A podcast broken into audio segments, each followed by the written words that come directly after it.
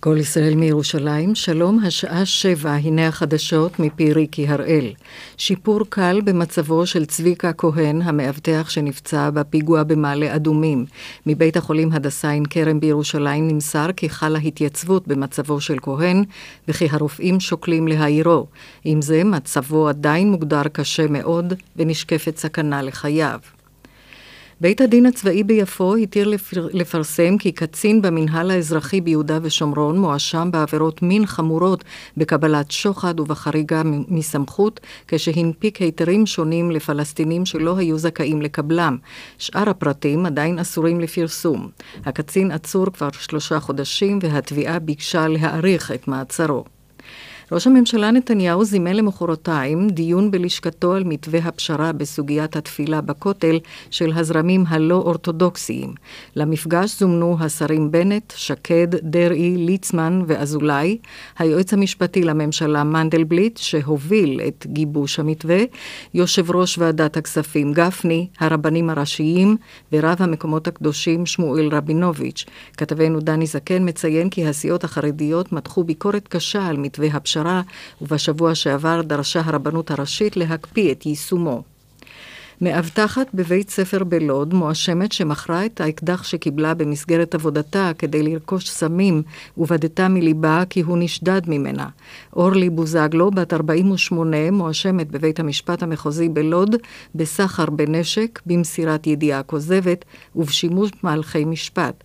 בכתב האישום נאמר כי קיבלה מסוחר הסמים תמורת האקדח ושתי מחסניות, 8,000 שקלים וארבע מנות סם. כתבתנו נעמה עוזרי מוסרת כי הפרקליטות מבקשת לעצור אותה עד תום ההליכים נגדה. משמרות המהפכה של איראן אומרים כי המנצחים בבחירות בסוף השבוע יעשו כל שביכולתם כדי לשרת את המדינה. בהודעה שפרסמו משמרות המהפכה צוין כי אין ספק שהנבחרים יגנו על כבודה של איראן ועל עוצמתה נוכח היהירות הבינלאומית. רמז לארצות הברית. בבחירות באיראן רשם מחנה הרפורמיסטים הישגים רבים. נשיא איראן לשעבר רפסנג'ני, ממנהיגי המחנה המתון, הכריז כי איש לא יוכל להתנגד לרצון העם. רפסנג'ני כתב בטוויטר כי מי שלא נבחר ייאלץ לפנות את מקומו. תומכי חיזבאללה זועמים חסמו כבישים ברחבי לבנון, במיוחד בפרברי ביירות ובעמק הבוקה, במחאה על תוכנית טלוויזיה ששודרה בערוץ סעודי ולעגה למנהיג חיזבאללה חסן נסראללה. בתוכנית בערוץ MBC נראה אדם לבוש בסגנון לבושו של נסראללה, כשהוא מקבל הוראות מאיראן. אנשי חיזבאללה הבעירו צמיגים בכבישים שחסמו, וצבא לבנון הודיע כי פרס כוחות בכמה אזורים במדינה כדי למנוע מעשי אלימות. בעת האחרונה גברה המתיחות בין סעודיה לחיזבאללה על רקע מעורבותו של ארגון הטרור במלחמות בסוריה ובתימן. מנכ"ל מוזיאון ישראל, ג'יימס סניידר, הודיע כי יפרוש מתפקידו לאחר כ-20 שנה בתחילת השנה הבאה. הוא ישמש בתפקיד חדש, נשיא הפעילות הבינלאומית של מוזיאון ישראל, ויעסוק בעיקר בגיוס כספים בעולם. כתבתנו מירי קרימולובסקי מציינת כי במהלך כהונתו של סניידר הורחב המוזיאון ומספר המבקרים בו הוכפל מ-400 אלף בשנה ליותר מ-800 אלף. עדיין לא נקבע מי יחליף אותו. עורכי החדשות רון נסיאל ורמי עדן, תחזית מזג האוויר מיד. מזג האוויר בחסות Triple C, מובילה בפתרונות שרתים וירטואליים בענן, Triple C, כוכבית 6400. והתחזית, הלילה ינשבו רוחות מזרחיות ערות בהרי הצפון. ממחר עד יום רביעי חם מן הרגיל בעונה עד שרבי. ביום חמישי ירידה ניכרת בטמפרטורות, ייתכן גשם מקומי קל. מידות החום החזויות בירושלים מ-14 מעלות בלילה עד 23 מעלות מחר בצהריים, בתל אביב מ-12 עד 28, בחיפה מ-14 עד 24, בצפת מ-13 עד 22, בבאר שבע מ-11 עד 27, ובאילת מ-17 20 מעלות בלילה עד 32 מעלות מחר בצהריים. זה סוף החדשות מכל ישראל. רשת ב' של כל ישראל, כל החדשות, השידור הציבורי שלכם ובשבילכם. בחסות המכללה האקדמית אחווה, המזמינה אתכם, המורים, ליום פתוח לתואר שני בשלושה במרס. לפרטים כוכבית 3622 שבע וחמש דקות. עוד כמה דקות דין ודברים, אבל תחילה עדכון ממוקד התנועה. שלום לך, אודליה זימור. שלום, קובי. בדרך 70 עמוס ממכר עד כפר יאסיף. דרך 722 עמוסה משדה יעקב עד צומת השומרים. דרך 85 ממג'ד אל-כרום עד כרמיאל. דרך 4 ממורשה רעננה מרכז בגלל תאונה. דרך החוף צפונה ממחלף גלילות עד יקום. איילון צפונה ממחלף לגוארדיה עד השלום. איילון דרומה ממחלף רוקח עד לגוארדיה. בהמשך ממחלף וולפסון עד דוב הוז. גהה צפונה ממחלף השבעה עד מסובים, גהה דרומה ממחלף גהה עד בר אילן. דרך תל אביב אשדוד ממחלף השבעה עד מחלף ראשון לציון, דרך תל אביב ירושלים מחוות שער הגיא עד שורש, דרך עוקף רמאללה מחיזמה עד גבע בנימין, דרך 38 ממסילת ציון עד נחם, דרך אשדוד אשקלון מעד הלום עד ניצנים. לדיווחים נוספים, מוקד התנועה של כל ישראל, כוכבי 9550.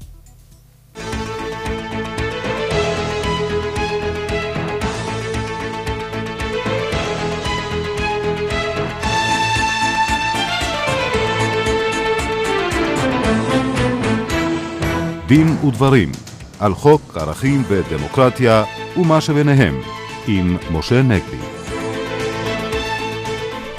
שלום לכם, ערב טוב, עורכת התוכנית יורית ברקאי בהפקה דפנה אברהם, טכנאי השידור שלנו אהוד סטמלר. ליד המיקרופון משה נגבי וקובי ברקאי. האם ביקורתו החריפה של ראש ממשלת בריטניה קמרון על ישראל ממחישה את הפער בין החוק הישראלי לחוק הבינלאומי בסוגיית מעמדה של ירושלים? אנחנו שמחים לארח באולפנינו את כלת פרס ישראל למשפט בינלאומי פרופסור רות לפידות, לשעבר היועצת המשפטית של משרד החוץ, שגם תצביע על המהמורות החוקיות בדרך למימוש הצעת יושב ראש האופוזיציה להוצאת כפרים פלסטיניים מתחום שיפוטה של הבירה. עשור חלף מאז נחקק חוק התביעות הייצוגיות, ועל לקחי יישומו נשוחח עם אורחנו עורך דין עופר כהן צדק, מנהל מחלקת הליטיגציה במשרד איתן מהולל שדות. עם אורחנו דוקטור יריב וינצר, מייסד עמותת גיבורים קטנים, נדון ביוזמת חקיקה לעידוד שילוב בעלי מוגבלות שכלית בשוק העבודה. אבל נפתח בהערה על הסיאוב המתמשך בצמרת המשטרה. משה, בבקשה. כן, קובי, אני בטוח שהמאזינים אה, זוכרים כמונו שכאשר המפכ"ל דנינו סיים את תפקידו, רבצה מעל צמרת המשטרה עננה, הייתי אומר, מצחינה, של סיאוב מוסרי, אפשר לומר אפילו אה, סיאוב פלילי, לא של המפכ"ל עצמו חלילה, אבל שאותה שורת אה, ניצבים, אפשר לומר, ידועה לשמצה, שהסתבכה במעשים פליליים, מיניים ואחרים. מסתבר שחילופי המפכ"ל לא הביאו לשינוי גדול. אנחנו שמענו בימים האחרונים על אותו דוח מזעזע בעיניי של מבקר המדינה על קציני משטרה בכירים שלא רק uh, מתעלמים ממגבלות המהירות, אלא לאחר שהם נלכדו על ידי אותן מצלמות, שיקרו לגבי הנסיבות המבצעיות שבגינן הם uh, כביכול uh, נסעו באותה מהירות מופרזת, אבל בעיניי לא פחות חמור שלאחר שהתברר שהם שיקרו לגבי אותן נסיבות, לא נעשה להם כלום, ולא רק שלא נעשה להם כלום, אלא ניצבים במשטרה, שבידם הסמכות אה, להעניש אותם על כך, לא רק שלא הענישו אותם, אלא ביטלו את אותם אה, דוחות מהירות. וכמובן, יש לנו עוד סימן שקיבלנו בשבוע האחרון לסיאוב המתמשך במשטרה ולטיוח על הסיאוב הזה, אה, גם מצד, צר לי לומר, המחלקה לחקירות שוטרים, באותה החלטה שאני בשום פנים ואופן לא מסוגל אה, להבין אותה, אותה החלטה להסתפק בדין משמעתי לניצב אה, דותן, חגי דותן, לאחר שהוא עצמו הודה אה, בהטרדות מיניות. יש פה כמה דברים מקוממים. קודם כל, כבר מלאו עשרים שנה לאותו חוק, וכבר ציינו את זה, חוק נגד הטרדות מיניות, שכל החידוש שלו, בין השאר, היה בכך שהוא אמר שהטרדה אה, מינית זה לא רק עבירה משמעתית, זה לא רק התנהגות שאינה הולמת, אלא זו עבירה פלילית שדינה עד שנתיים מאסר. כשעושה את זה קצין משטרה, ואגב, החוק לא עושה שום הבחנה מהבחינה הזאת, מבחינת החומרה, בין הטרדה מילולית לבין הטרדה פיזית. כשעוצר את זה קצין משטרה, בוודאי שאסור להתייחס לזה בקלות ראש. פה בכלל עשו צחוק מהעבודה, הייתי אומר. אם זה לא היה עצוב, זה היה מצחיק. אמרו שיעמידו לדין משמעתי, אבל מדובר באדם שכבר ממילא שנה לא נמצא אה, במשטרה. אז הדין המשמעתי הוא בעצם דבר ריק מתוכן. ועוד יותר חמור, מסתבר שהוא גם טיפל באופן אישי בענייניה, בתוקף תפקידו, בענייניה, בענייני הקריירה של אותה קצינה שאיתה הוא קיים אה, יחסים אסורים בניגוד לפקודות המשטרה, שזה בעיניי גובל בהפרת אמונים פלילית. ועל דבר כזה סוגרים את התיק, ואחר כך מתפלאים שוב איך נשים לא נותנות אמון במשטרה לבוא להתלונן על הטרדות אה, מיניות.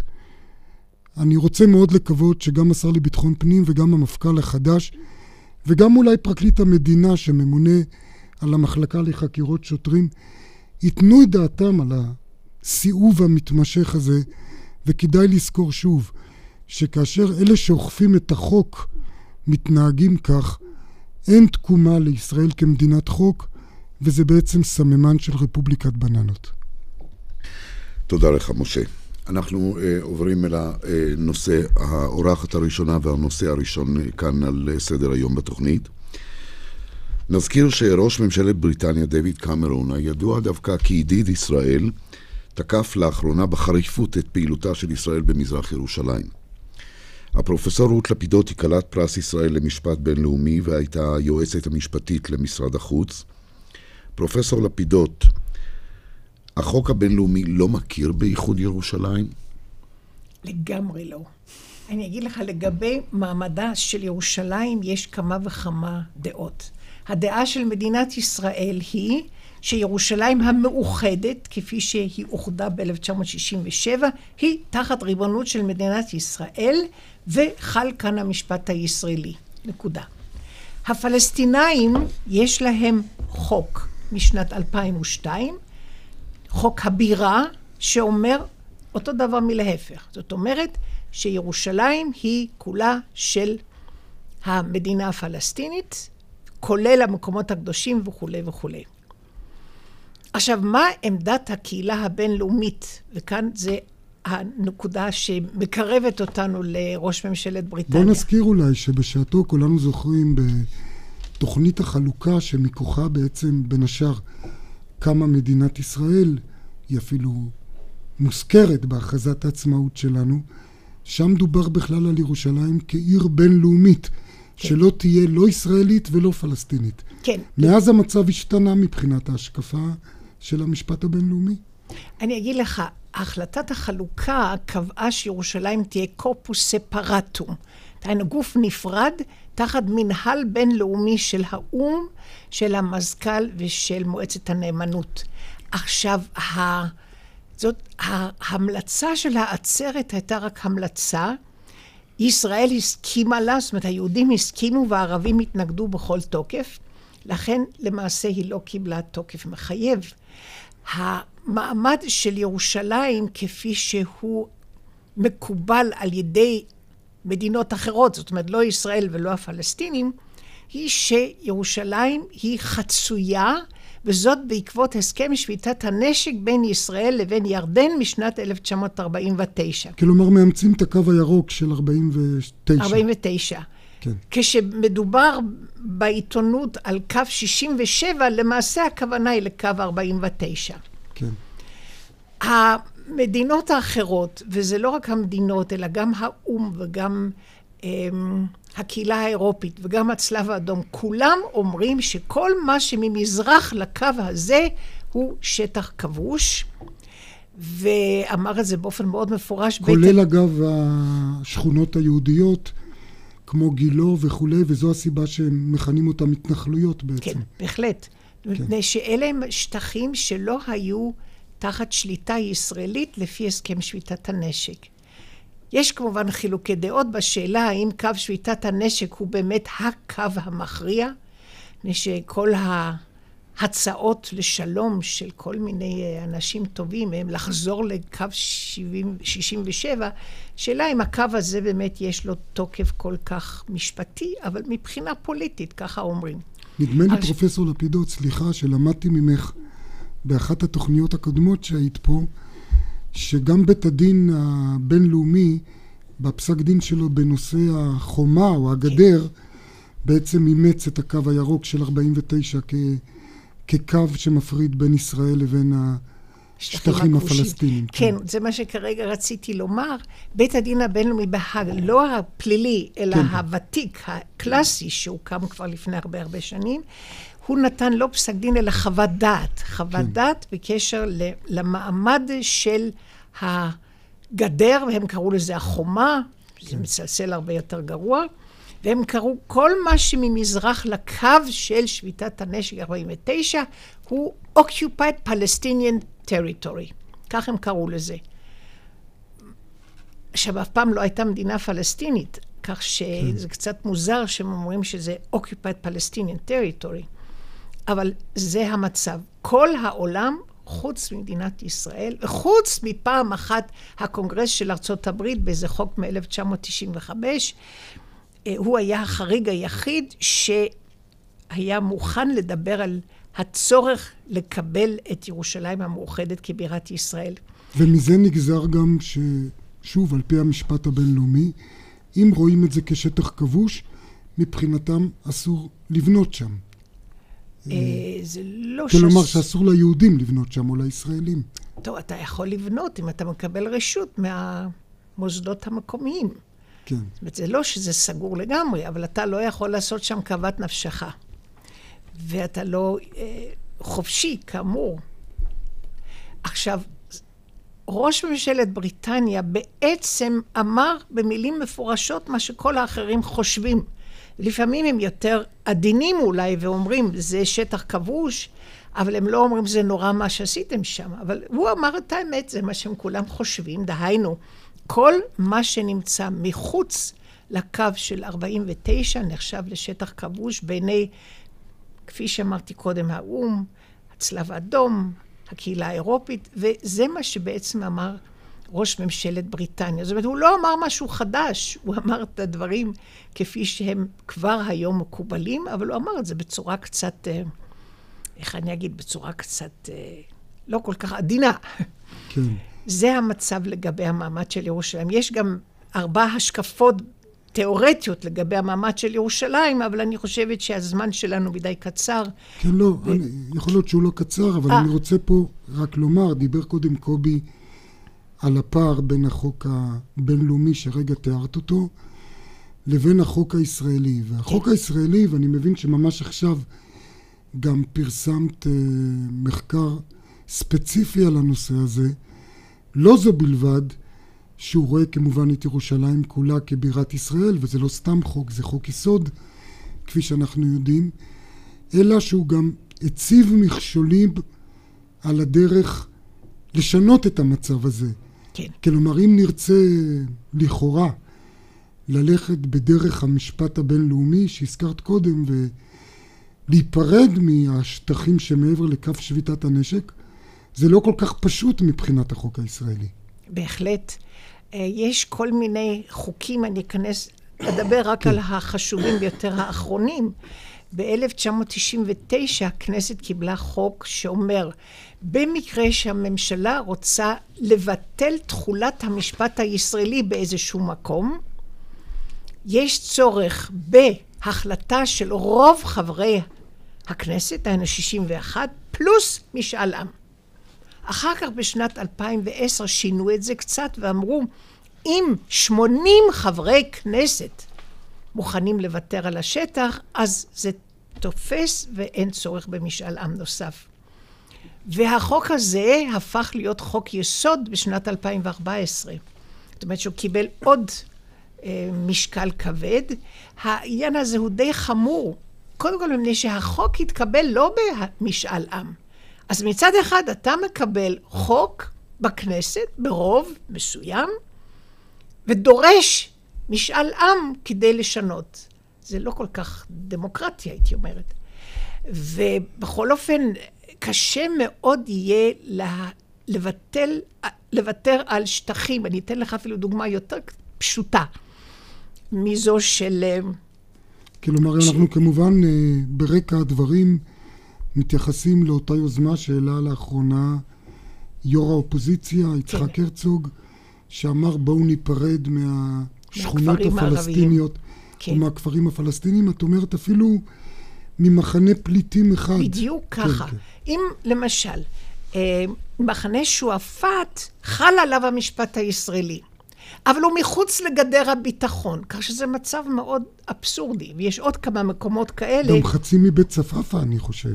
אל... מחצית לפחות. זה לא, לא, בצפאפא לא. דווקא בסדר.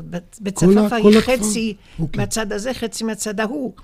אבל אה, למשל, אני מדברת על, על הגדר. כן. למשל, סמי רמיס, אה, מחנה הפליטים שועפאט, אה, כפר עקב, כל אלה הם חלק מירושלים, זאת אומרת שחל המשפט הישראלי וחלים כל ההגבלות האלה על האפשרות לוותר עליהם. אבל הם אפילו נמצאים מחוץ לגדר, גדר הביטחון, כך שנוצר פה בכלל מצב קצת אבסורדי. עכשיו, אם למשל מחר, ושוב, אני מביאה את זה כדוגמה אבסורדית, אם מחר ישראל מגיעה להסכם עם הרשות הפלסטינית, שה... אה, מי השופכין או הזבל של שועפאט, של מחנה הפליטים, יטופלו על ידי הרשות הפלסטינית, אתה צריך הסכמה של הפרלמנט של מדינת ישראל בשביל השינוי הזה. ברוב מיוחס. ברוב של 80 חברי כנסת. כן. עכשיו, לגבי ההערה של אה, ראש האופוזיציה, רציתי עוד להוסיף הערה קטנה, פרקטית, לא משפטית כל כך. כאשר ישראל איחדה את שני חלקי ירושלים וקבעה שהם שניהם חלק ממדינת ישראל ואסור לשנות וכולי וכולי, הם כללו בהוראה הזאת שטחים נרחבים הרבה יותר גדולים מאשר מה שהיה יר... החלק הירושלמי של ירדן. הירושלים הירדנית הייתה שטח די קטן, איזה חמישה-שישה קילומטר. נדמה לי השטח שסופח פי כמה יותר גדול. הרבה יותר גדול. יש עכשיו איזה מאמר על הנושא הזה, על הדיונים שהיו בממשלה כשהחליטו על הדבר הזה, אבל זה כבר... היה תיאבון גדול כנראה. תיאבון גדול, ובכל זאת מישהו הצליח קצת לצמצם את זה, אבל לא ניכנס לכל הפרטים האלה. פרופסור לפידות, אה, אמרת שלעשות שינוי במצב בשטח יש בעיה. האם ניתן את החוק הזה שכובל את ידי אה, ממשלות ישראל ועושי הדברים, יש אפשרות לשנות את החוק כדי שאפשר יהיה לעשות את הדברים האלה. כן, אתה יכול לשנות את החוק, ואז לא צריך רוב מיוחד. רק ב-80 חברי כנסת. לא, אני 80... לא בטוח. את, את שינוי החוק חייבים 80 חברי כנסת? לא, לשינוי החוק, זה מה שכתוב בחוק מ-2014. אתה יכול לשנות את החוק ברוב, ברוב רגיל, של חברי הכנסת. ברוב של חברי 61. הכנסת. 61. נו, אז זה יותר פשוט, לא? אם רוצים לתמוך. אם אתה רוצה, כן. כן, יש לי עוד אה, אה, אה, שאלה בהקשר הזה לגבי התושבים במזרח ירושלים. נניח, ואנחנו כמובן מעלים פה תסריטים היפותטיים, נניח שיצליחו להשיג את אותו רוב של 80 או 61. פלוס משאל עם. פלוס משאל עם, שזה אולי המכשול הכבד ביותר. אה, כדי להיפרד מאותן שכונות פלסטיניות, אבל יהיו תושבים במזרח ירושלים, אנחנו יודעים שאומנם רוב התושבים במזרח ירושלים אינם אזרחי ישראל, אבל הם תושבי ישראל. כן, תושבי ש... קבע. תושבי קבע, שלא ירצו. נכון. אה, אה, אה, כמו שאנחנו יודעים היום שיש תושבים באום אל-פחם שלא מוכנים שלפי ההצעה של השר לשעבר אה, ליברמן, אה, יחזירו אותם לרשות הפלסטינית כן. אה, וכולי. יהיו אולי תושבים במזרח ירושלים שיסרבו. האם ניתן לכפות עליהם אה, את, ה, את המעבר הזה לרשות הפלסטינית לאחר שהם קיבלו את התושבות הישראלית? תראה, אולי לפני מאה שנה זה אפשר היה, כאשר היו חילופי שטחים בין טורקיה לבין יוון, אבל היום המצב שונה. היום יש הרבה דיבורים על זכויות האדם, ולי נראה שתושב ישראל. הרי תושבי מזרח ירושלים, יש להם תעודת זהות ישראלית ממש. ועם תעודת הזהות הזאת הם יכולים לגור בכל מקום בארץ שהם רוצים ולעבוד בכל מקום שהם רוצים. כך שלי נדמה שאתה לא יכול להכריח אותם לעבור לרשות הפלסטינית. זאת אומרת, הם, הם רשאים לעזוב את מקום מגוריהם, ויש להם זכות לבחור לגור בכל מקום אחר במדינת ישראל. ככה נראה לי. טוב, אני מקווה טוב. שהשר בנט, שהחליט אה, שנושא ירושלים המאוחדת תהיה במוקד שנת הלימודים הבאה, אה, יכניס גם את החומר המאלף שאת הרגע יוצאת לנו אה, לתוך תוכנית הלימודים, אחרת אני חושב שהתמונה לא תהיה מלאה, קובי. אני אגיד לך, כשהוא אמר ירושלים המאוחדת, בהתחלה חשבתי זה לא יפה, שהוא כאילו מצמצם את הדיונים לירושלים המאוחדת. אבל אתה יכול לדבר גם על ירושלים המאוחדת מכל מיני בחינות אחרות, להגיד, העזובה במזרח ירושלים, אה, אה, בעיות חשמל, בעיות מים, בעיות אה, של, של ג'ורה. חינוך. בבקשה. כל הדברים האלה, אתה רוצה ירושלים מאוחדת? אתה צריך לדון גם בדברים האלה. אני, אולי אני, כדי לסיים בנימה אופטימית, אני אזכיר כן. פרופסור לפידות בשעתו גם עסקת, ואני זוכר לא מעט, בפתרונות אפשריים. משלל הפתרונות שעלו עד כה, אנחנו זוכרים קלינטון עם ריבונות של אלוהים ודברים כיוצא באלה. אתה מדבר על האגן הקדוש. האגן הקדוש וכולי. מה הפתרון שנראה לך גם הכי מציאותי וגם הכי קביל מבחינה משפטית. אגב, הריבונות לאלוהים זה לא קלינטון, אלא זה היה המלך חוסיין. אוקיי. הוא היה הראשון שאמר את זה. אני חשבתי שאני אמרתי את זה ראשונה, אבל התברר שהוא קדם לי. אז זה הפתרון המועדף עלייך, אני מבין? בתור ריבונות. שאם אנחנו נתחיל להתקוטט עם הפלסטינים על ריבונות, לעולם לא נגיע לפשרה. לכן מוטב לומר, אנחנו מחלקים בינינו את הסמכויות, אבל את הריבונות נשאיר בצד, שאף אחד לא יסכים לוותר פה על שום דבר. אתה מרשה לי, אה, משה, להוסיף עוד משפט אחד, כשהפרופסור רות לפידות אמרה על מאמר שנכתב בזמנו, ידוע שהגענו לאן שהגענו, כי מיד אחרי מלחמת ששת הימים, אשכול היה ראש הממשלה, אה, דיין היה שר הביטחון, אה, ולא טיפלו בעניין ירושלים, זרקו את התפוח אדמה הלוהט הזה. וידועה אמרה שהמנכ"ל משרד של אה, אשכול נכנס ואשכול סימן לו וי עם היד. אז הוא היה בטוח שהוא מסמן איזה סימן של וי של ניצחון, את יודעת, ויקטורי. כן. ואז הוא אומר לו, למה אתה מסמן וי בידיים שלך? הוא אומר לאשכול. כן. ואשכול, למי שזוכר, היה ראש ממשלה עם הרבה חוש הומור, אז הוא אומר, אני מסמן וי, כי הם דיברו בדיוק על ירושלים, על בעיית ירושלים, זמן קצר אחרי מלחמת ששת הימים, אז הוא אומר, אבי שלי מסמן וי קריכס בין הרויס פנדם. איך יוצאים מהצרה הזאת. יפה מאוד. וכך נשארנו. אחרי 50 שנה כמעט. תודה רבה, פרופסור אה, רות לפידות. אנחנו נעשה הפסקה לפרסומת. תחשוב, המדד שוב שלילי, הריביות אפסיות. אז להשקיע רק בנדל"ן. משרדים להשקעה במשולש העסקים וההייטק החדש של קריית אריה. כל מה שאתה צריך זה הון עצמי מ-200 אלף ש"ח. כן, כן, רק 200 אלף ש"ח, ויש לך נכס שמניב כעשרה אחוזים בשנה. התקשר ל-MSN נדל"ן, כוכבית 8789. הודעה חשובה ליוצאים לחו"ל, עכשיו בעלם דיוטי פרי. רמקול בלוטוס, תוצרת בואוז, רק ב-200 דולר. לא טסים בלי שנכנסים. עלם דיוטי פרי. בנק ירושלים מציע ללקוחות כל הבנקים הלוואה מקוונת, אונליין, עד 60 אלף שקלים, בלחיצת כפתור באינטרנט. היכנסו לאתר של בנק ירושלים, או חייגו כוכבית 5727. בנק ירושלים, תתרגלו לקבל יותר. מתן האשראי כפוף לשיקול דעת הבנק. בואו נודה על האמת, כאבי הברכיים וכאבי הגב מונעים מאיתנו רבות מהנאות החיים. הליכה, יציאה לטיולים, עלייה במדרגות. לא חבל. אם תתקשרו לאפוסטרפיה, תוזמנו מיד לבדיקת הליכה ממוחשבת ולאבחון קליני של פיזיותרפיסט, ותותאם לכם טכנולוגיה רפואית כדי שהעומס על הברכיים ועל הגב ירד והכאב יפחת. הבדיקה חינם, והטיפול בהשתתפות הביטוחים המשלימים של קופות החולים. חפשו בגוגל אפוסטרפיה, או התקשרו כוכבית 2767. הספר הישראלי שיגע לכם בלב, גלבי, הלב שלי. הספר החדש והמדובר של הסופרת האהובה איריס אליה כהן. שתי חברות נפש, הדיבה האשכנזייה, שהוריה הגיעו משם ואינם מדברים, וזוהרה, בת למשפחה תימנית, שאחותה התאומה נעלמה באורח מסתורי מן המעברה כשהיו פעוטות. בעברית מופלאה, מצליחה איריס אליה כהן לכתוב את המרחב הישראלי על כל גווניו, ויוצקת לתוכו אהבה, תקווה וזיכרון. גלבי, לקרוא ולהתרגש מחומרי הנפש המוכרים לכל ישראלי. גלבי, בהוצאת ידיעות ספרים.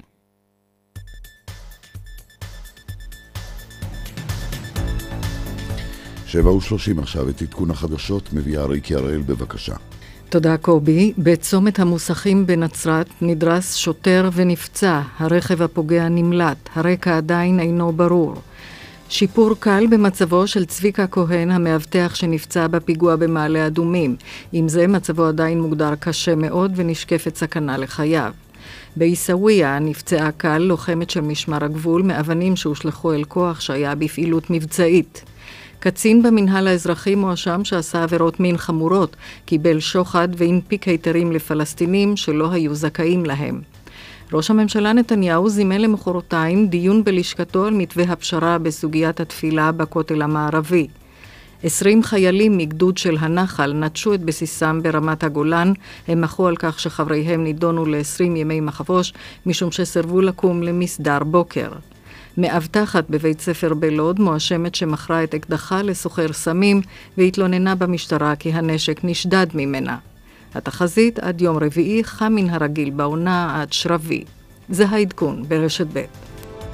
And the Oscar goes to. And the Oscar goes to. And the Oscar goes And the to. Oscar goes to. רשת ב', תחנת הרדיו היחידה בישראל, שמביאה לכם את טקס פרסי האוסקר בשידור חי. כל הזכיות, כל ההתרגשויות, כל הדמעות וכל השמלות. בלילה הנוצץ מכולם. אוסקר 2016 עם נתיב רובינזון. בלילה שבין ראשון לשני, החל מהשעה שלוש, רק ברשת ב'. כשאנו קונים רכב חדש, אנו יוצאים לנסיעת מבחן, בודקים, ורק אז מחליטים. וכשאנו חושבים על מעבר לדיור מוגן, איך נדע אם לא ננסה? כאן חיים ברקן, מנכ"ל בית גיל פז. אני מזמין אתכם לחמישה ימים של אירוח ברמה של חמישה כוכבים בדיור המוגן שלנו בכפר סבא. לקבל דירה מפנקת, ליהנות מהבריכה, מהרוחות, מפעילויות התרבות, להתנסות ולהחליט. לאירוח בגיל פז התקשרו 1-700-55-70-80 הודעה חשובה ליוצאים לחו"ל, עכשיו בעלם דיוטי פרי. מעבד מזון בוש חותך סלט לקוביות רק ב-200 דולר. לא טסים בלי שנכנסים. עלם דיוטי פרי. עברנו איתם מלחמות, אהבות, אירועים ששינו את העולם. עכשיו הגיע הזמן להיפרד. אחוזת דאונטון, הסדרה שעשתה היסטוריה, אומרת שלום בעונה שישית ואחרונה. אחוזת דאונטון, חמישי בתשע, בערוץ הראשון.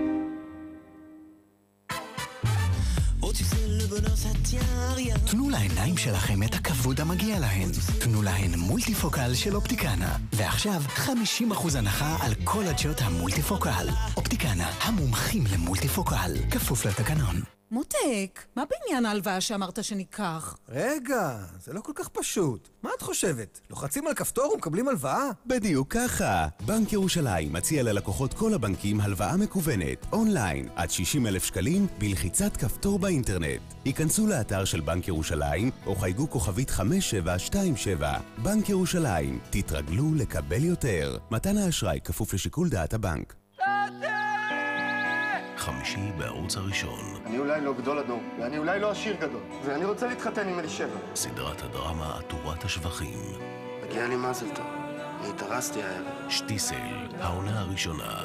חמישי, תשע וחמישים בערוץ הראשון. היא מגיעה בהפקה מרהיבה, ססגונית ומפתיעה אל האופרה הישראלית. לה צ'נרנטולה, סיפורה של סינדרלה באופרה של רוסיני.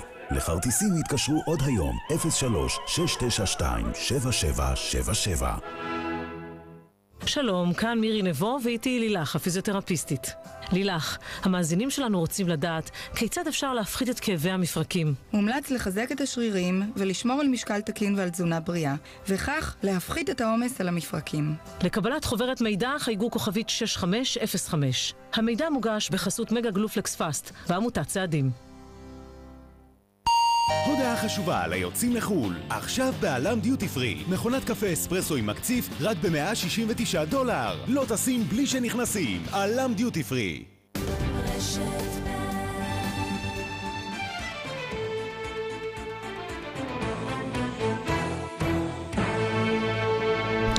25 דקות לפני השעה שמונה אנחנו שבנו אליכם בתוכניתנו דין ודברים. עשור חלף מאז נחקק חוק התביעות הייצוגיות. אתה עורך דין עופר כהן צדק, מנהל מחלקת הליטיגציה במשרד איתן מהולל שדות, אומר לנו, ואתה תספר מיד למאזינים, שבצד ההצלחה של החוק הזה שנחקק והאפשרות שניתנה לאנשים לתבוע תביעות ייצוגיות, יש גם בעיות והן לא מעטות. בהחלט. אה, קודם כל כמה מילים אה, לגבי החוק שחוקק, אה, כפי שציינת, בשנת כן, 2006. כן, ואולי תזכיר גם מה זה בעצם תביעה ייצוגית, כן. כן, תביעה ייצוגית היא מכשיר משפטי שמאפשר לתובע ייצוגי אחד לתבוע בשם קבוצה גדולה של נפגעים. להבדיל מתביעה רגילה, שאז אה, אין צורך, אה, ב, שלמעשה הזכות להגיש אותה היא זכות אוטומטית, תביעה ייצוגית אה, מצריכה אישור מוקדם של בית משפט. כדי לקבל את אישור בית המשפט, לא מספיק להראות שקיימת עילת תביעה, אלא, אלא יש צורך להראות שמתקיימים תנאים מוקדמים מסוימים, שאם יהיה זמן אנחנו ניגע בהם. החוק, אה, כפי שחוקק אה, בשנת 2006, בעצם אה, מצהיר על כמה מטרות שעומדות ביסוד החוק. סך הכל מדובר בחוק מהפכני. כיאה לחוק מודרני, המטרות נקובות בחוק עצמו. המטרה העיקרית בעצם שעומדת ביסוד החוק זה מימוש זכות הגישה לבית המשפט. ההנחה היא שאדם לא יגיש תביעה אישית בסכום תביעה זניח של כמה שקלים בודדים או כמה עשרות שקלים.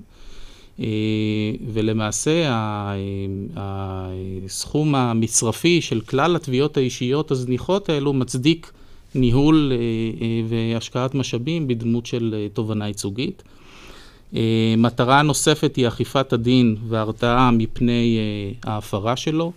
למשל במקרים שבהם הרגולטור לא עושה את עבודתו נאמנה ולא אוכף את הוראות הדין. ומטרה שלישית היא ניהול יעיל של תביעות. אה, התביעה הייצוגית מאפשרת למעשה קבלת הכרעה שיפוטית אחת במספר אה, רב מאוד של אה, תביעות אישיות. וזה בעצם נועד למנוע מכל מיני חברות גדולות שעושקות אנשים בסכומים קטנים, לצאת מורווחות ממה שאמרת, שאותם אנשים לא יתבעו את אותו סכום קטן, אבל החברה כמובן מרוויחה את כל אותם סכומים מצטברים מכל אותם אנשים. עכשיו, נכון. בעצם יש פה מטרה, הייתי אומר, בעיקר צרכנית, להגן על צרכנים, ואתה בדקת ומצאת, ואתה מביא סטטיסטיקה מאוד מעניינת, שהחוק אולי אפילו הצליח יותר מדי, כי הוגשו אלפי תביעות כאלה באותן עשר שנים שחלפו. נכון. על פי נתונים שנאספו ועובדו על ידי מרכז הלכה ומעשה, אה, מאז חקיקת החוק הוגשו למעלה מ-7,400 בקשות לאישור תביעות ייצוגיות. כאשר בכל שנה נרשם גידול במספר התביעות המוגשות. למשל, בשנת 2013 הוגשו 1,100 תביעות, ב-2014 1,200 תביעות, ובשנת 2015 הוגשו כבר 1,400 תביעות, כשהיד עוד נטויה. ומה השיעור של אותן, אה, מאותן תביעות שבית המשפט מאשר את הדיון בהן? קודם כל בואו נדבר על החלק הארי של בקשות האישור. החלק כן. הארי אלה בקשות בתחום צרכני פרופר, אה, כלומר בעניינים שבין עוסק ללקוח על פי הגדרתם בחוק הגנת הצרכן. למשל שחברה מסוימת גפתה מחיר מעבר למה שמותר לה, או... נכון, או סימון אה, חברות מטעה. חברות סלולריות אנחנו מכירים. נכון, ו... או כן. סימון מטעה של, אה, של אריזות של מוצרים. וכדומה. בפער ניכר אחרי התביעות הללו אה, מוגשות תביעות בנושאים אה, כגון ביטוח, מפגעים סביבתיים, בנקאות, דיני ניירות ערך ו- אה, ודיני עבודה. חוק תובענות ייצוגיות סלל את הדרך גם להגשת תביעות נגד הרשויות. אה, כגון אה, רשויות המדינה, רשויות מקומיות, ולמעשה כנגד כל גוף שממלא תפקיד ציבורי על פי דין. נגיד ארנונה או דברים כאלה. נכון, התביעות האלה מוגבלות אך ורק להשבה של סכומים שנגבו שלא כדין כמס או כתשלום חובה אחר. אה, עכשיו, לגבי, ה... שאלת לגבי כמות התביעות הייצוגיות והאם מדובר בהכרח בדבר שהוא אה, מעיד על הצלחה של החוק. לא, קודם רציתי לדעת, מתוך אותן בקשות, אותו מספר גדול שציינת, כמה תביעות בית המשפט אישר אותן? כי אמרת קודם שצריך אישור של בית משפט. אין בידי את הנתונים המדויקים, אבל אין ספק שמתוך האלפי בקשות לאישור תביעות ייצוגיות, אפשר לומר שמדובר אולי בעשרות אה, אה, לכל היותר של תביעות שמאושרות כייצוגיות, ועוד פחות מזה תביעות ייצוגיות שמתקבלות בסופו של יום על ידי בית המשפט. אז אם... אז מה בעצם רע? אמרנו כבר מה טוב, זה חיזק את הצרכנים, אנחנו רואים שבית המשפט אה, מסנן, אז מה בעצם הביקורת שלך? כלומר, מה אתה רואה פה ככישלון אולי, או כפרצה כן. בחוק הזה? כן. לדעתי, המחוקק לא צפה שבעקבות החוק יוגשו אה, אלפי תביעות. הגשת תביעות ייצוגיות הפכה למעשה לספורט לאומי ולמעין סטארט-אפ של... אה, של עורכי דין.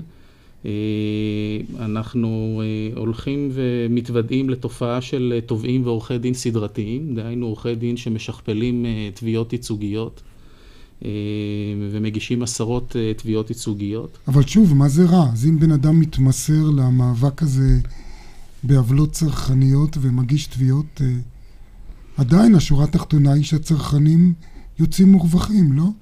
יש בעצם שתי בעיות עיקריות בנושא הזה. אה, קודם כל, מבול התביעות הייצוגיות מטיל עומס על אה, בתי המשפט וגורם לכך שהתביעות הראויות, הבירור של התביעות הראויות יידחה בגלל הצפה של תביעות קנטרניות. למעשה, אה, בים של תביעות לא ראויות אנחנו מוצאים אולי כמה טיפות של תביעות ראויות. זה דבר אחד.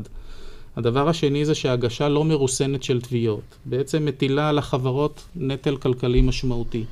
חברות, uh, כדי להתגונן מפני התביעה, צריכות לממן שכר טרחת עורכי דין, מומחים, עורכי סקרים, להשקיע זמן uh, ניהולי.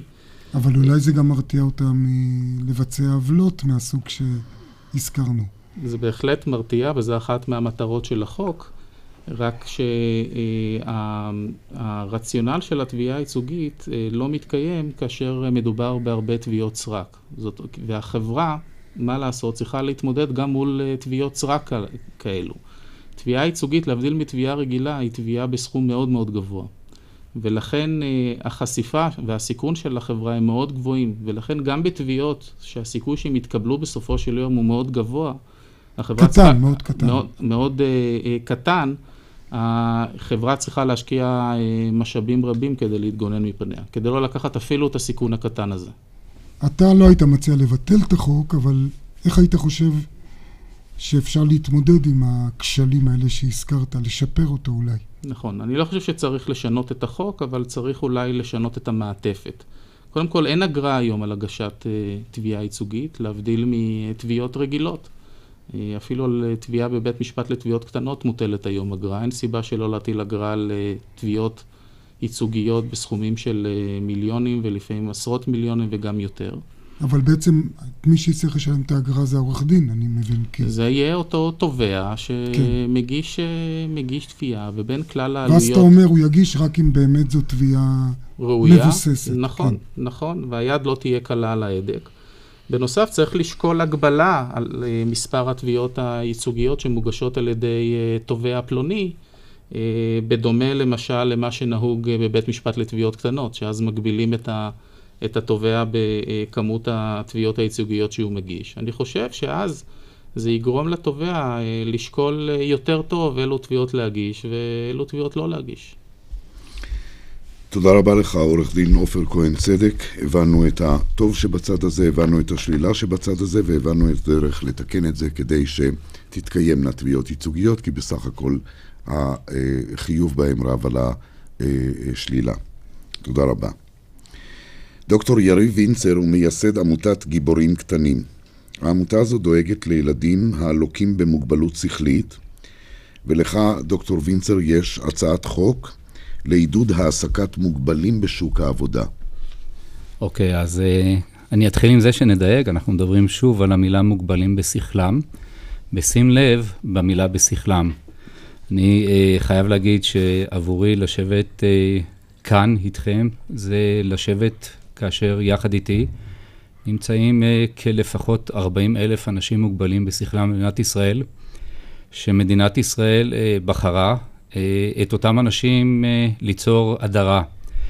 וכשאני מדבר על זה, אני מתחיל לדבר שהכי נוח לי כמשפטן גם, לחוק שוויון זכויות לאנשים עם מוגבלות, שזה חוק שחוקק בשנת 98, ושם ניתנה פרשנות לאותם אנשים, מה הם אנשים עם מוגבלות, אדם עם לקות פיזית, נפשית או שכלית, לרבות קוגניטיבית וכולי וכולי. עכשיו... ויש אפילו נציב לאנשים האלה במשרד המשפטים לזכויות של האנשים עם המוגבלות. נכון.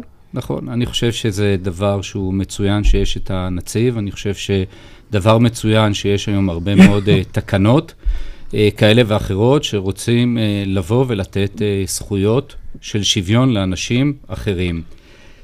המסע בעצם, ופה אני, כפי שאני מתחיל, אני מספר על גיבורים קטנים, שלפני כשבועיים חגגנו 15 שנים מאז שהקמנו את גיבורים קטנים. גיבורים קטנים זה חלום שהפך מילדות והיום אנחנו מאמצים כ-3,500 עד 4,000 ילדים מוגבלים בשכלם, כולל ילדים אוטיסטים, מנהריה ועד באר שבע.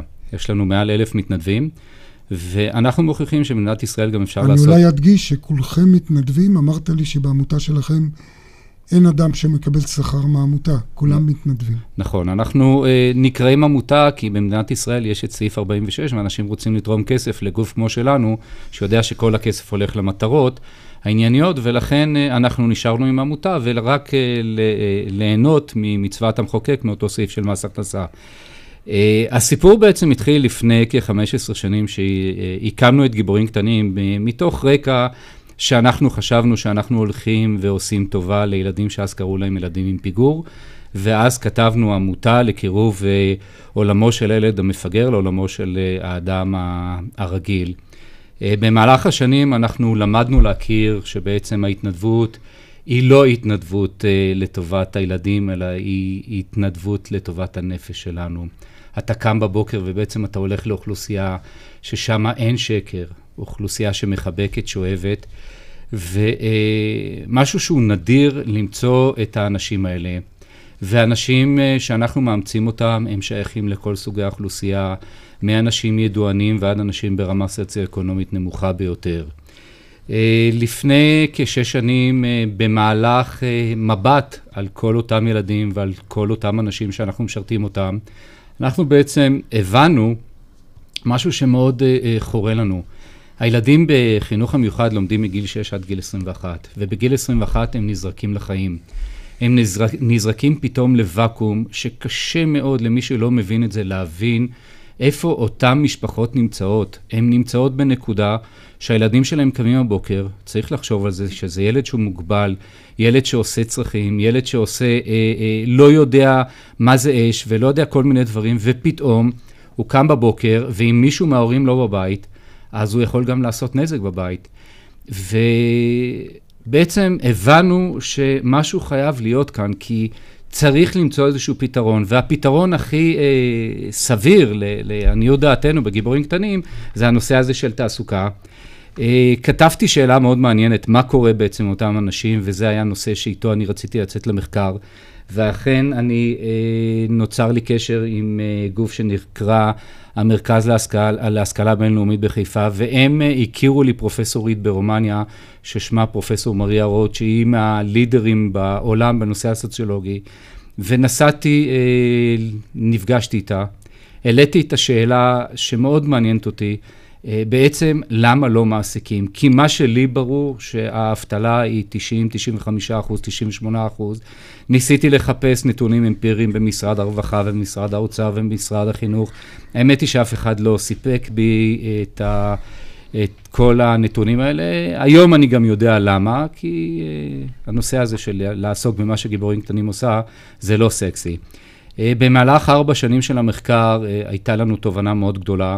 שבעצם כל הנושא של תעסוקה הוא חייב להיות ממקום של עידוד, כי גם ביקרנו במקומות... כן, אז פה, ברשותך, דוקטור וינצר, הייתי באמת אה, רוצה לגשת לאותה יוזמת חקיקה שבגינה הגעת לפה. אנחנו יודעים שיש איזושהי הצעה של אה, חבר הכנסת יצחק שמולי, שמולי מהמחנה הציוני, מפלגת העבודה, שהוא רוצה בעצם לחייב אה, מעסיקים, לפחות מעסיקים מקטגוריה מסוימת, להעסיק אחוז מסוים מהעובדים שלהם שיהיו אנשים בעלי מוגבלות אה, שכלית. אתה חושב, לך יש דעה אחרת, אתה חושב שלכפות בחוק זה לא טוב, אלא כמו שאתה אומר, צריך לתמרץ בחוק על ידי הטבות. אולי תסביר באמת את ההבדל ולמה אתה חושב שהדרך שלך כן. היא הדרך היותר נכונה. אז קודם כל, בעדינות אני רוצה לתקן אותך. הלוואי והיה מדובר על אה, חוק להעסקת אנשים מוגבלים בשכלם. החוק מדבר על כך שחברות אה, אה, של מדינת ישראל, חברות ציבוריות, יצטרכו להעסיק 3% על כל 100 איש, 3% מוגבלים. ולא סתם התחלתי את הפתיח שלי, מה הפרשנות למילה מוגבל. כי uh, מה שברור... כלומר, זה לא רק מוגבל שכלית, מוגבל, שלושה אחוז מוגבל בכלל. מוגבל, כן. מוגבל שכלי זה uh, פרק קטן מתוך אותה, אותה מיליון אנשים שבמדינת ישראל אנשים... כלומר, החוק לא יושיע אותם. לא. לא רק שהוא לא יושיע, החוק הזה ימשיך ליצור את אותה הדרה חברתית שאנחנו מדברים עליה, כי אה, בוא נגיד ככה, כל מעסיק שאנחנו מכירים היום, וגם חקרתי במדינת ישראל וראיינתי לצורך העניין, אני אגיד רק אה, חברת חשמל. אז ביקרתי בחברת חשמל, הם מעסיקים אנשים שיש להם נכות כזאת או אחרת, אנשים תשושי נפש, וברור לנו שגם אה, עובדים שם אנשים שסובלים ממחלות כאלה ואחרות, כי אנחנו יודעים שהיום מבחינת חוק ביטוח לאומי, מעל 20 אחוז... אה, נכות, שזה אומר אם בן אדם לא עלינו מחלת הסרטן או התקף לב או שמיעה או ראייה או כל דבר אחר, זה אנשים שהם בעצם נחשבים. אנחנו, אנחנו ברשותך, אה, אה, דוקטור יריב וינצר, נעשה קצת סדר לקראת סיום התוכנית שלנו. איך אתם מחברים בין עמותת אנשים גיבורים קטנים לבין מקומות העבודה? מה מפריע לכם בחוק אם יחוקק, ואתה עוד לא אמרת לי שלך יש רעיון טוב יותר להעסיק את האנשים האלה. נכון, אז קודם כל אני מדבר על חוק עידוד. מתוך המסקנות, גם בארץ וגם בעולם, להחזיק אה, ולהעסיק אדם שהוא מוגבל בשכלו, אם זה יבוא מנושא של חיוב, זה לא יצליח, זה לא יצליח באף מקום, גם לא בארץ ולא בעולם. אני רק אתן אה, אה, נושא אחד קטן. איך שאני בא ואיתו אני רוצה לשכנע, היום הוא שר האוצר, לפני מספר שנים שהצגתי לו את התוכנית הוא היה שר הרווחה, ואגב, הוא היה הראשון שאימץ את המושג הזה שלי מוגבל שכלי, ולא אנשים אה, מפגרים. אז אה, בנושא של פנסיה, אני חושב שמדינת ישראל הרי אה, מבחינתה, מחויבת לתת פנסיה לאנשים שאנחנו מדברים עליהם, אנשים מוגבלים בשכלם, ולמה? כי אנחנו יודעים שהאנשים האלה בגיל שהם כבר הגיעו לגיל מבוגר, הם יחיו במעונות. ואותם אנשים שיחיו במעונות, מי שמשלם את זה את הכסף זאת המדינה. ואם אנחנו ניקח היום בחור בן 22, 3, 4 ויתחיל לעבוד מוגבל בשכלו, אנחנו כבר מהיום שהוא מתחיל לעבוד נקנה לו תוכנית פנסיה או ביטוח מנהלים, זאת אומרת שהוא יגיע לגיל 60 או 65 בהתאם למנגנונים שאני מציע אותם, תהיה לו קופה. ואז אם תהיה לו קופה, מדינת ישראל הרוויחה. כלומר, יש פה רווח כפול. קודם כל, אדם בבוקר הוא יוצא לעבודה, הוא יותר בריא, וזה, אנחנו יודעים את זה, גם מחקרים מדברים על זה. הוא ש... גם תורם למקום העבודה, אולי כדאי להדגיש את זה. הוא תורם ליופי של החברה הישראלית, וזה כן. הדבר מאוד מאוד חשוב. ואותו אדם שברגע שהוא גם יעבוד, הוא יהיה יותר בריא, כי אנשים שלא עובדים, וזה אמפירית, הם חולים. מעבר לזה שאותו אדם יגיע לגיל 65, הוא יקבל פנסיה בהתאם למה שהוא ירוויח עם אה, משכורת אה, מינימום, אני מוכן לקבל של נגיד 3,500 שקל. אולי נגיד, זה אולי גם להיות חלק מהעידוד, שאתה תקבע שמי שמעסיק אדם כזה יוכל לשלם לו מתחת. לשכר המינימום הרגיל. נכון. אני רק, רק עוד משהו אחד קטן שאני רוצה לספר לכם, שאני הייתי בכנס, באירוע, סליחה, בלונדון, על משהו שהוא נשמע הזוי, אבל שפגשתי בכנס בלונדון, אנשי עסקים שמעסיקים אנשים מוגבלים בשכלם, הם באו ואמרו שהכיף הכי גדול שלהם, שפעם בשנה מזמינים אותם לארוחת ערב, יחד עם השר הזה וראש העיר הזה והאדון הזה, הם מקבלים כל שנה תעודת הוקרה, והם מפרסמים את זה, אנחנו מעסיקים אנשים מוגבלים בשכלם. כלומר, עד כמה אנשים מוכנים בשביל שיוקירו אותם לעשות את המהלך הזה.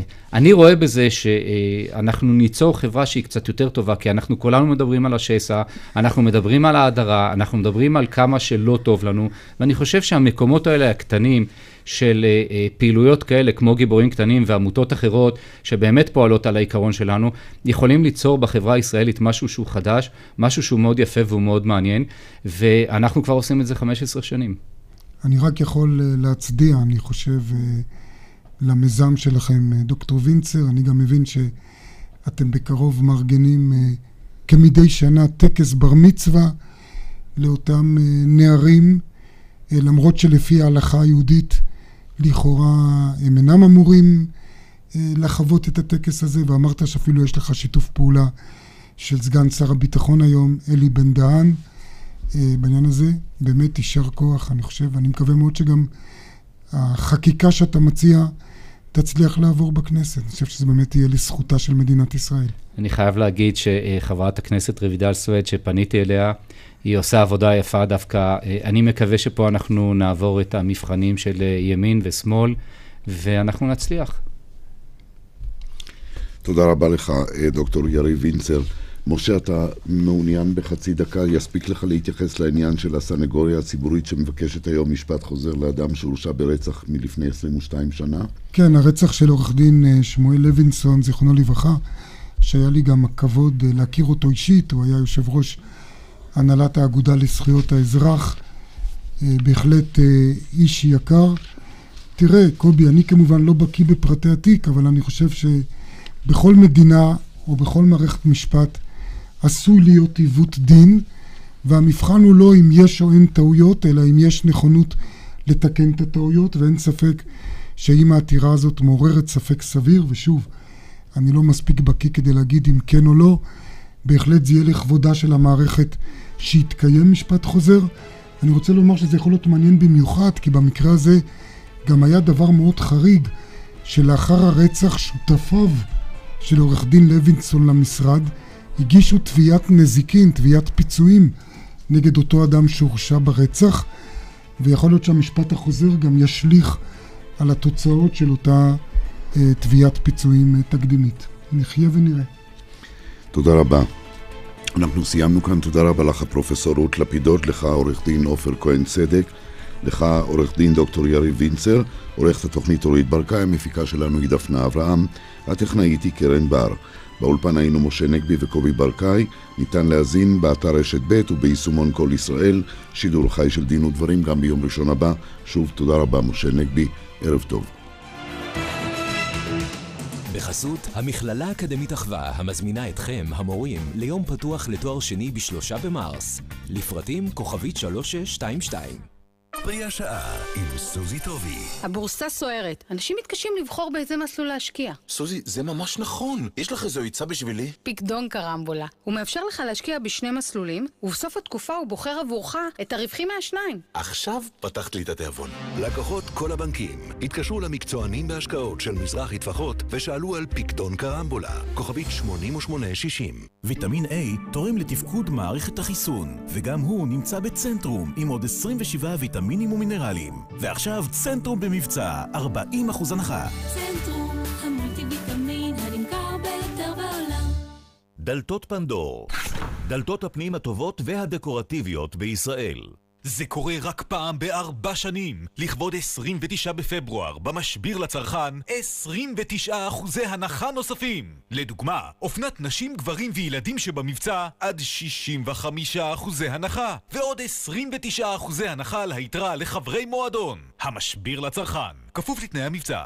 בנק ירושלים מציע ללקוחות כל הבנקים הלוואה מקוונת, אונליין, עד 60 אלף שקלים, בלחיצת כפתור באינטרנט. היכנסו לאתר של בנק ירושלים, או חייגו כוכבית 5727. בנק ירושלים, תתרגלו לקבל יותר. מתן האשראי כפוף לשיקול דעת הבנק. ויטמין B12 תורם לתפקוד מערכת העצבים, וגם הוא נמצא בצנטרום עם עוד 27 ויטמינים ומינרלים. ועכשיו צנטרום במבצע, 40% הנחה. צנטרום,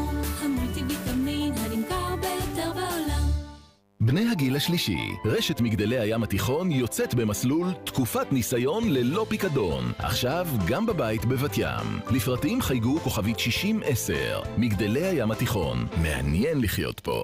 דלתות פנדור, דלתות הפנים הטובות והדקורטיביות בישראל. מה אני, אני רק בן אדם שחייב לחסוך כמו כולם אז אני משנה הרגלי קנייה במועדון של ההסתדרות החדשה. אז יחד, כאן כולם ביחד